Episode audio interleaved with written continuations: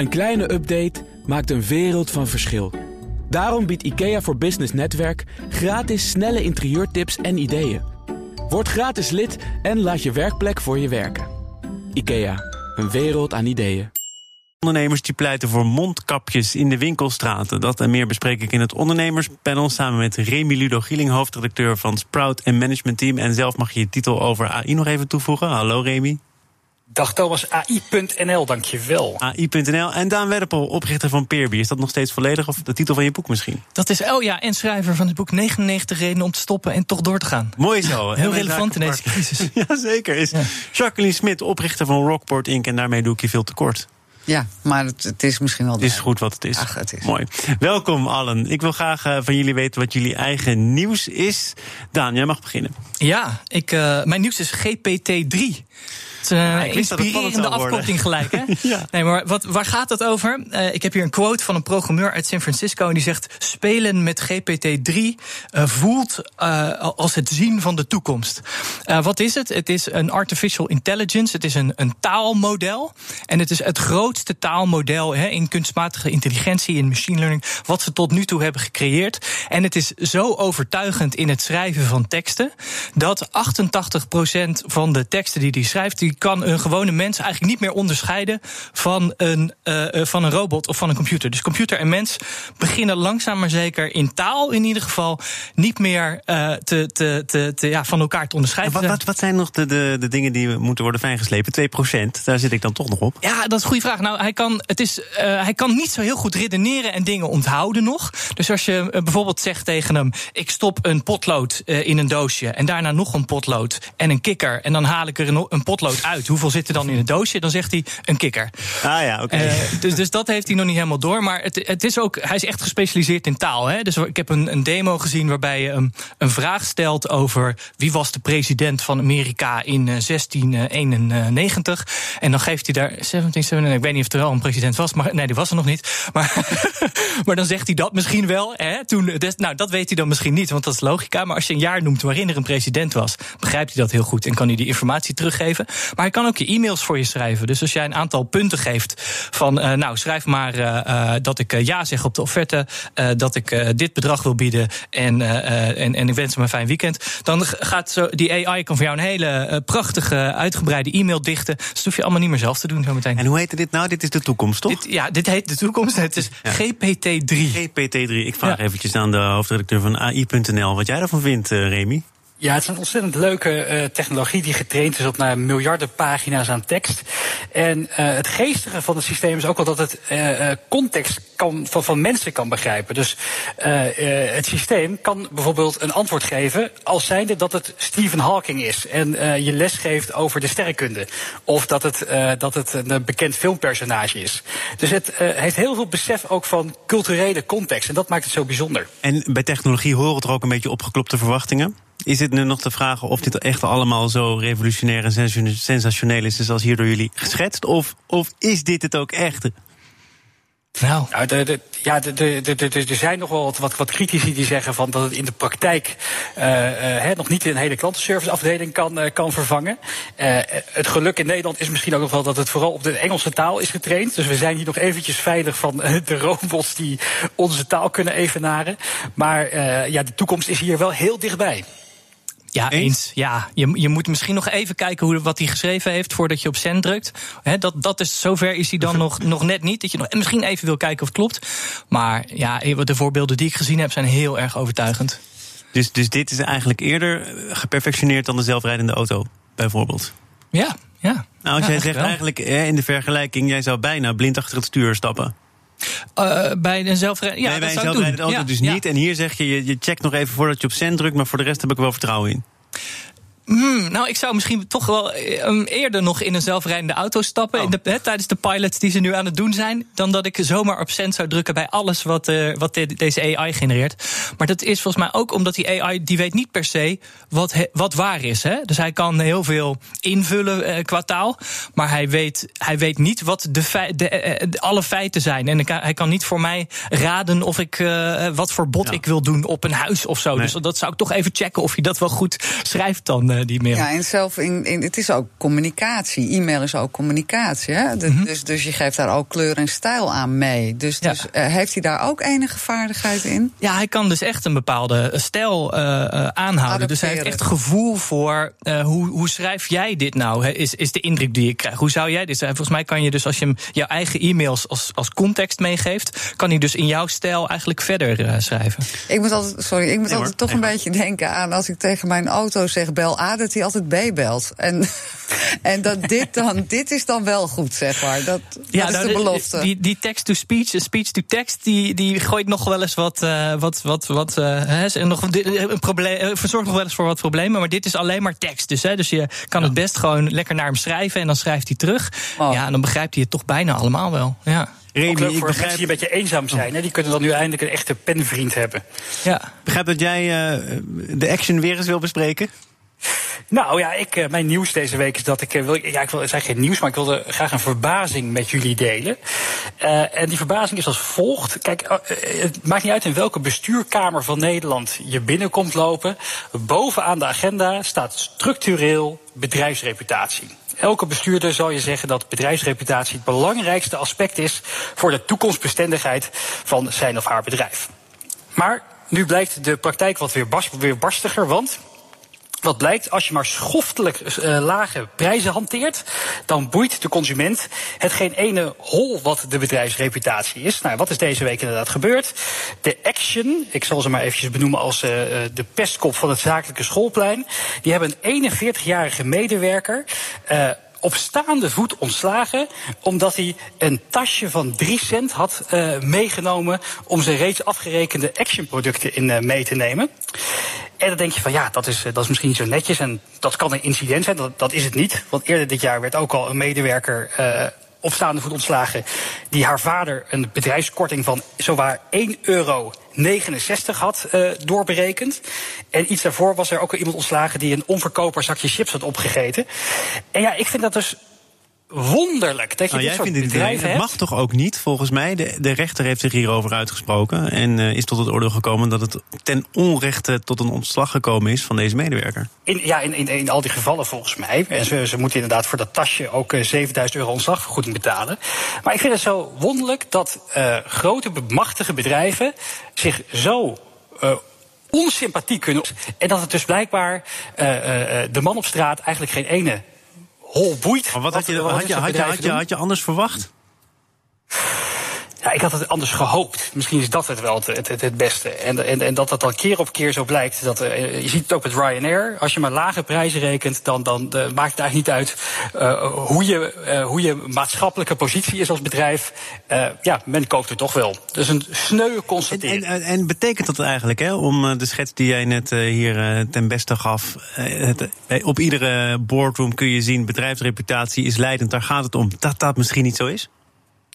Ik denk dat het, ik hoop dat het misschien in de, in de zakelijke context meer is. Dus dat, dat hè, als, je, als bedrijf met een ander bedrijf zaken doet, dat het, dat het, eh, dat het, het onderwerp dan wel steekhoudend is. Maar het zou natuurlijk ook wel fijn zijn als er misschien wat meer besef zou komen in de winkelstraat van mensen. eh, dat waar je je euro's aan uitgeeft, dat het ook wel een soort stemrecht is. eh, op, ja, op de manier hoe zo'n bedrijf met, met, met mens en planeet omgaat. Ik denk dat het ook een beetje kiezen met de portemonnee is. Eh, volgens mij is het al heel lang van Walmart eh, bekend dat ze ook eh, niet zo aardig zijn voor hun personeel. Heel veel over gepubliceerd en, en daar wordt ook gewoon nog geshopt. Dus. Ja, ik, ik ben bang dat we van dit idee moeten afstappen dat het stemmen met de por- portemonnee een mechanisme is. En dat we als, we, als we dat maar inzetten, dan hoeven we voor de rest bedrijven niet in het gereel te houden. Volgens mij moeten we daar gewoon. gewoon toont alles dan a- dus nu weer aan. Eh, mensen doen dat niet. Als je gewoon de laagste prijs biedt, dan kopen ze daar. Maakt niet uit wat de omstandigheden zijn of hoeveel vervuiling Nou, hoewel er wel maatschappelijke druk kan zijn, jij kan erover meepraten. Bijvoorbeeld ook op Action om de betalingstermijnen van leveranciers, om dat toch weer terug te dringen. Daar is veel over te doen geweest. heb je hier ook eh, uitgebreid mogen presenteren. Toen heeft Action gezegd, wij waren van plan om, toen wij zagen dat het minder ging, om de betalingstermijnen op te rekken. Inmiddels weer teruggedraaid. Ja, ja dat is natuurlijk eh, dat is, dat is een, eh, een goed signaal geweest. Ze ontkennen inderdaad dat het onder maatschappelijke druk is gebeurd natuurlijk. Dat was al lang het plan om eh, die betaaltermijnen weer binnen het redelijke, binnen het redelijke te houden. Eh, dus dat kan werken. En ja, ik, ik, ik, ik, ik ga misschien wel daarin mee met, met Daan. Dat je zegt dat die portemonnee, ja, dat moeten we maar van afstappen. Van die illusie dat eh, dat, dat een, een, een, een, een drukmiddel is voor, voor bedrijven. Uh, ja, misschien moeten we met z'n allen wat meer vocaal worden. Overigens, tot slot van dit onderwerp. Uh, deze man die mocht kiezen, neem ik die schadevergoeding aan, 7000 euro, of keer ik terug in mijn baan. Hij heeft gekozen voor die 7000 euro. Hij zegt, ik ben blij dat ik in het gelijkgesteld ben. Ik heb kans op een goede andere baan. Ik ga gebak halen. Zo kan het ook aflopen op een gegeven moment. Dus uh, misschien is het voor allebei de partijen wel beter om op dat moment dan uit elkaar te gaan. Ik wil met jullie nu praten over de mondkapjes. Daar is ook vandaag het een en ander over bekend geworden. Namelijk minister Vert Grapperhaus die heeft gezegd: voorlopig handhaven we wat we al deden. Iedereen moet die maatregelen weer wat serieuzer nemen. Anderhalf meter afstand, vermijd drukte, was je handen. Mondkapjes horen voorlopig niet in het repertoire. Terwijl er ook nu ondernemers zijn die zeggen, zeker als ze in een drukke winkelstraat hun winkel hebben of op een markt. Um, verplicht nou alsjeblieft die mondkapjes staan. Hoe sta jij in de discussie?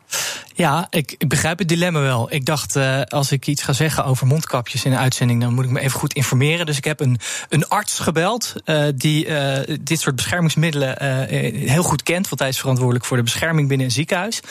En hem gevraagd van ja, hoe zit het nou precies? En ik begrijp het dilemma wel als ik naar hem luister, want hij zegt ja, de mondkapjes die we in Nederland hebben, dat mag alles zijn van een oude sok tot aan een, he, iets wat je, een niet-medisch mondmasker wat je ergens in de winkel kan kopen.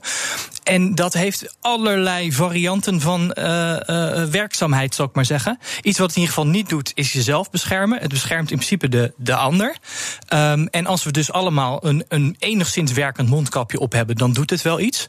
Um, maar het is wel, ja, de, de vraag is van ja, wat, hoeveel doet het nou precies? Het is niet echt aangetoond hoe, hoeveel het is. Dat is natuurlijk ook het ja. probleem, hè, dat er geen eensluidend oordeel is, dat ook medici er anders over denken. Jij belt de ene arts, ik bel de andere arts. Mm -hmm. Die kunnen misschien heel anders in deze discussie staan. Dat maakt het wel ingewikkeld om tot een verplichting te komen, misschien Jacqueline. Ja, je ziet het ook bij de ministers onderling, hè, dat ze van mening verschillen of het nou wel of niet werkt. Uh, ik, ik denk dat het gewoon goed is om eenduidig naar buiten te komen en een keus te maken. Omdat anders gaan mensen dat creatief zelf oplossen. En dan komt de sok met de touwtjes. Maar ik denk dat de, ik mis de duidelijkheid. Ik denk, maak communicatie, zeg dit is waar we voor kiezen en zo gaan we het doen met elkaar. Kun je dat als de winkeliersvereniging ook doen? Hè? Bijvoorbeeld als je nu bij de Beverwijkse Bazaar je geld verdient, dan hoor je er dus bij. Dan weet je, bij ons dragen mensen verplichte mondkapje. Zou bijvoorbeeld uh, de winkeliersvereniging van de mensen in de Koverstraat kunnen zeggen: Koverstraat is mondkapjesgebied. Is dat ook duidelijkheid genoeg, Remy? Nee, ik denk dat je daar toch wat meer algemeen uh, beeld voor moet schetsen. Uh, overigens echt complimenten voor het onderzoek van Daan. Hè. Als mocht PRB niks worden, dan kan je altijd nog onderzoeksjournalist, als je onderzoeksjournalist in dienst komen. Ja, dat vind jij al maar... onderzoeksjournalistiek? Eén iemand bellen? ja, dan weten we ook hoe jij je moraal... Even, even, even, even, echt bij de, bij de bron informatie gaat ophalen. Kijk, ik, ik, ik, ik iedereen die een keer in een binnenstad op straat loopt, zal uh, erkennen dat niemand zich meer aan die afstandsregelen houdt, uh, maatregelen houdt. En uh, ja, de Nederlandse overheid houdt daar heel erg aan vast. Hè. Ja, wij, wij houden afstand, dus hebben we geen mondkapjes ook nodig. Maar ja, als niemand meer zich daaraan houdt, dan snap ik wel dat je uh, als, als, als, als winkelier, die, die, die, die dagelijks in aanraking komt met heel veel verschillende mensen, uh, daar een beetje angstig van wordt. Ja, maar het is de schijnveiligheid die dus ook niet heel veel oplevert als een keer kort vertaal wat er aan deze tafel besproken is. Afhankelijk van welk ja. mondkapje er op welke manier gedragen wordt. Nee, precies. Maar misschien eh, in het kader van alle kleine beetjes helpen, snap ik wel dat, dat, dat, dat, dat mensen in beroepen die met veel andere mensen in contact komen, dan toch zoiets hebben van nou, liever een mondkapje op jongens. Dan, uh, dan uh, hebben we in ieder geval misschien iets van. Hm? Ik ga even naar de onderzoeksjournalist ja. hier in deze studio. Nou, ik heb een ondernemend voorstel. Hè. We zitten in het ondernemerspanel en ik ben van de circulaire economie. er is een alternatief uh, namelijk medische mondkapjes gebruiken. Dat is op dit moment een, een probleem, dat, dat mag niet, um, want er is een schaarste, er zijn niet genoeg mondkapjes. Maar dat is zo omdat we al die mondkapjes weggooien. En uh, wat blijkt nou? Er zijn methodes om medische mondkapjes, goed werkende mondkapjes, goed te desinfecteren. En dan kun je ze vele malen opnieuw gebruiken. En dan zou je dus al die mondkapjes die nu in de prullenbak gaan, uh, die zou je dus in principe kunnen inzetten. Nou, laten we zeggen om te beginnen bij mensen die uh, een zwakke gezondheid hebben. En die zou je ook kunnen gaan inzetten in bioscopen, in winkelstraten, overal waar je dus echte veiligheid wil. En zo'n medisch mondmasker, dat beschermt dus jezelf en niet de ander. Dus dan heb je ook de keus om uh, ja, jezelf te beschermen. Ja, het schijnt ook heel onplezierig te zijn om dat te dragen voor langere tijd, heb ik begrepen. Heb je daar ook een oplossing voor? Daar uh, heb ik, heb ik, ik, ik, heb ze nog niet opgehad, want, uh, want het mag niet. Maar uh, ja, artsen lopen er de hele dag mee rond, dus ik neem aan dat het ja, kan. Ja. Oké, okay, nou, wordt vervolgd. En als je er een onderneming uh, van maakt, dan, uh, dan mag je ook uh, nog een keer. Nou, er zijn toevallig ondernemers hier al mee bezig. Okay. Ja, ja. Zaken doen. Het ondernemerspanel is de gast. Daarin zit Remy Ludo Gieling, hoofdredacteur van Sprout en managementteam.nl, ook van AI.nl. En um, Daan Werpel, oprichter van Peerby. En mijn zakenpartner is Jacqueline Smit, oprichter van Rockport Inc. en nog een hoop meer. We gaan het hebben over investeringen in jonge techbedrijven. Die zijn namelijk gestegen. In totaal haalden ze 460 miljoen euro op. Blijkt uit een analyse van Golden Egg Check. Investeerders en ondernemers weten elkaar dus toch nog te vinden. En dat terwijl ik zelf de afgelopen maanden, en ik denk Remy, jij ook wel, ook heel veel start-ups hebt gesproken. Die zeiden ja, situatie is veranderd. Alles wat ik van plan was kon niet doorgaan. Ik breng mijn bedrijf in een diepe, diepe winterslaap. En ik uh, zie wel of het ooit nog wakker wordt. Hoe kijk jij dan naar deze cijfers? Het is goed om te zien dat uh, investeerders dus toch, ondanks al die geluiden dat er een diepe recessie zit aan te komen. Gisteren hoorde je het nog van uh, Unilever-topman Ellen Joop, die, uh, die het ook weer voorspelde. Dat investeerders in, in start-ups en scale-ups dus toch erkennen dat het, het, het, het lange termijn besef er nog steeds is. Dus dat een crisis tijdelijk is en dat het nu investeren in, in, in de juiste toch wel vaak technologiebedrijven, uh, uh, helemaal niet zo'n slecht moment is. Uh, en dat is een positief signaal, want dat betekent dus wel dat dat geld, dat die cashflow binnen die investeringsclubs blijft rollen. Nu hadden ze ook heel veel geld nog op de plank liggen. En uh, ja, in, in mindere tijden is het natuurlijk ook altijd wel interessant om juist nu uh, uh, aankopen ja. te gaan doen. En dan moet je natuurlijk wel goed kijken, moet je altijd, maar zeker als het allemaal wat onzekerder is waarin stop ik dan dat geld? En als je dat dan weer wat verder uitluistert, kom je erachter dat het vooral om vervolgrondes gaat. En niet om de eerste investeringen. En dat was in Nederland altijd al een beetje de Achilleshiel. Ik zie jou knikken, Daan. Ja, uh, ik hoor van uh, alle investeerders waar ik persoonlijk contact mee heb, dat ze zeggen: we gaan nu geen nieuwe investeringen doen. We investeren in onze bestaande bedrijven om te zorgen dat die overeind blijven. En ik hoor van andere start-ups uh, vaak: ja, we konden geen ronde ophalen. En dan denk ik ook nog dat er een vertraging in zit. Het duurt, rond ophalen duurt drie tot zes maanden. Dus uh, ik denk dat je de eerste echte effecten van, een, van een, zo'n investeringsdip, dat je die eerder nu gaat zien, dan dat je die kan meten over het, uh, de eerste twee kwartalen van, van de crisis. Ja. Dus ik, ik heb nog steeds een, een, het, het, nou ja, de, ik heb nog steeds de stellige oproep. Nee, stellige oproep, dat kan. Maar de stevige, nee, stellige overtuiging ja. dat, dat we echt meer moeten investeren in start-ups. Ook omdat andere landen om ons heen dat doen. Dus we gaan ook onze positie verliezen als, als start-up land. Als, als wij allemaal krakkemikkige, eh, slecht gefinancierde start-ups Het is een beetje opgeschroefd, hè, dat budget. Het was eerst volgens mij 100 miljoen. Het werd toen 300 miljoen via regionale ontwikkelingsmaatschappijen. Het is ook de oproep van de Dutch Startup Association. Van uh, de club van Prins Constantijn. Die allemaal hebben gezegd: ja, kijk eens wat er om ons heen gebeurt. Miljarden worden er tegenaan gegooid. Um, en ik heb die gesprekken zelf ook gevoerd. Ja, het is natuurlijk altijd ook nog wel riskant om heel veel geld te investeren in iets waarvan je nooit helemaal dat is dus een vergissing. Ja, dat is heel ja. interessant. Want we kijken naar het start-up ecosysteem alsof het één bedrijf is. En maar een ecosysteem, dat is. Hè, dus je, je, kan zeggen, een zaadje planten en daar water op gooien is heel riskant, want misschien komt hij niet uit. Maar als jij een heel veld uh, uh, van, uh, van regen voorziet, dan gaat dat veld gaat groeien. En dan zijn er misschien allerlei zaadjes die niet uitkomen. En die heb je dan voor niks water gegeven. Maar uiteindelijk heb je een veld vol met groene, prachtige planten. En dat is de vergissing die mensen maken. Die zeggen, ja, nee KLM is uh, stevig. Ja. Want helemaal niet als één bedrijf. Dat kan zomaar omvallen. En start-ups zijn onveilig. Nee, een start-up ecosysteem is duizend keer veiliger dan één zo'n groot log bedrijf. Dus ik snap niet hoe, hoe, hoe die, waar dat, die gedachte vandaan komt. Want hij klopt echt niet. Snap je dat echt niet? Ja, ik, nou goed, ik snap waar die vandaan want, komt. Die maar het is echt. Hè, bedoel, ik ben er ook op terecht geweest door, uh, door de Dutch Startup Association zelf, door Lucien Burm, de voorzitter daarvan. Die ongeveer een soort gelijk pleidooi hield. Maar je kunt er natuurlijk tegenover zetten dat dat je kijkt naar hoeveel bedrijven hè, gewoon één op één het halen in vijf of tien jaar tijd. En die statistieken zijn niet zo geweldig. Maar ik begrijp, je moet het hele perk in bloei zetten. En dan accepteer je dat er een paar planten het niet doen. Dat hoort erbij. En kijk, als je geld geeft aan KLM, dan betekent dat niet dat alle afdelingen van KLM ook in stand gehouden worden. Hè. Dus het is ook in die zin. Uh, het, je, je hebt te maken met een, met een, een, een groot, ja, zoals ik zeg, een veld met bloemen. Uh, niet ieder zaadje hoeft uit te komen. Er hoeven er maar een paar uit te komen en tot grote zonnebloemen uit te groeien. Als je kiest dan, voor als je kiest voor een ecosysteem, hè, hoe mhm. beoordeel je dan binnen dat ecosysteem waar je voor gaat? Want ik heb ook wel eens het gevoel dat er heel eendimensionaal wordt gekeken, net zoals je het niet ziet als een ecosysteem. Maar ook dat alles wat technologie is, dat is dan maar wordt door één bril bekeken en dat zijn de mensen die het beoordelen. Moet dat ook niet breder? En, en, wat bedoel je dan? Dus nou ja, dat je bijvoorbeeld kijkt, ik maak me hard voor gesture technologie, daar ga ik voor. En daar ga ik een ecosysteem van alle partijen die daarin investeren, die ga ik steunen en anderen niet. Ja, nou, ik denk wel, ik denk dat veel mensen het niet met me eens zijn, maar ik, ik vind dit een goed moment om ook uh, best wel politieke keuzes te maken over wat voor type bedrijven willen we hebben in de toekomst. He, we hadden het net over de bedrijven die het niet erg vinden om iemand te ontslaan omdat hij een zakje van drie cent scheelt, uh, steelt. Um, misschien willen we bedrijven gaan steunen die nou ja, wat socialer zijn. En uh, ik denk dat dat wel een mooie keuze zou zijn. Om te gaan kijken, we hebben wat voor maatschappelijke impact hebben bedrijven. En dat nemen we mee. discussie die de afgelopen maanden natuurlijk gevoerd is. En daarom zeg je, er zullen mensen het niet met me eens zijn en mensen ook wel. Mm de, onder welke voorwaarden je bijvoorbeeld in aanmerking komt voor een steunpakket of een ja. specialistische, specifieke steunmaatregel. Remy, ik hoorde jou een keertje voorzichtig uh, kuchen. Uh, jij wilde ook nog wat zeggen?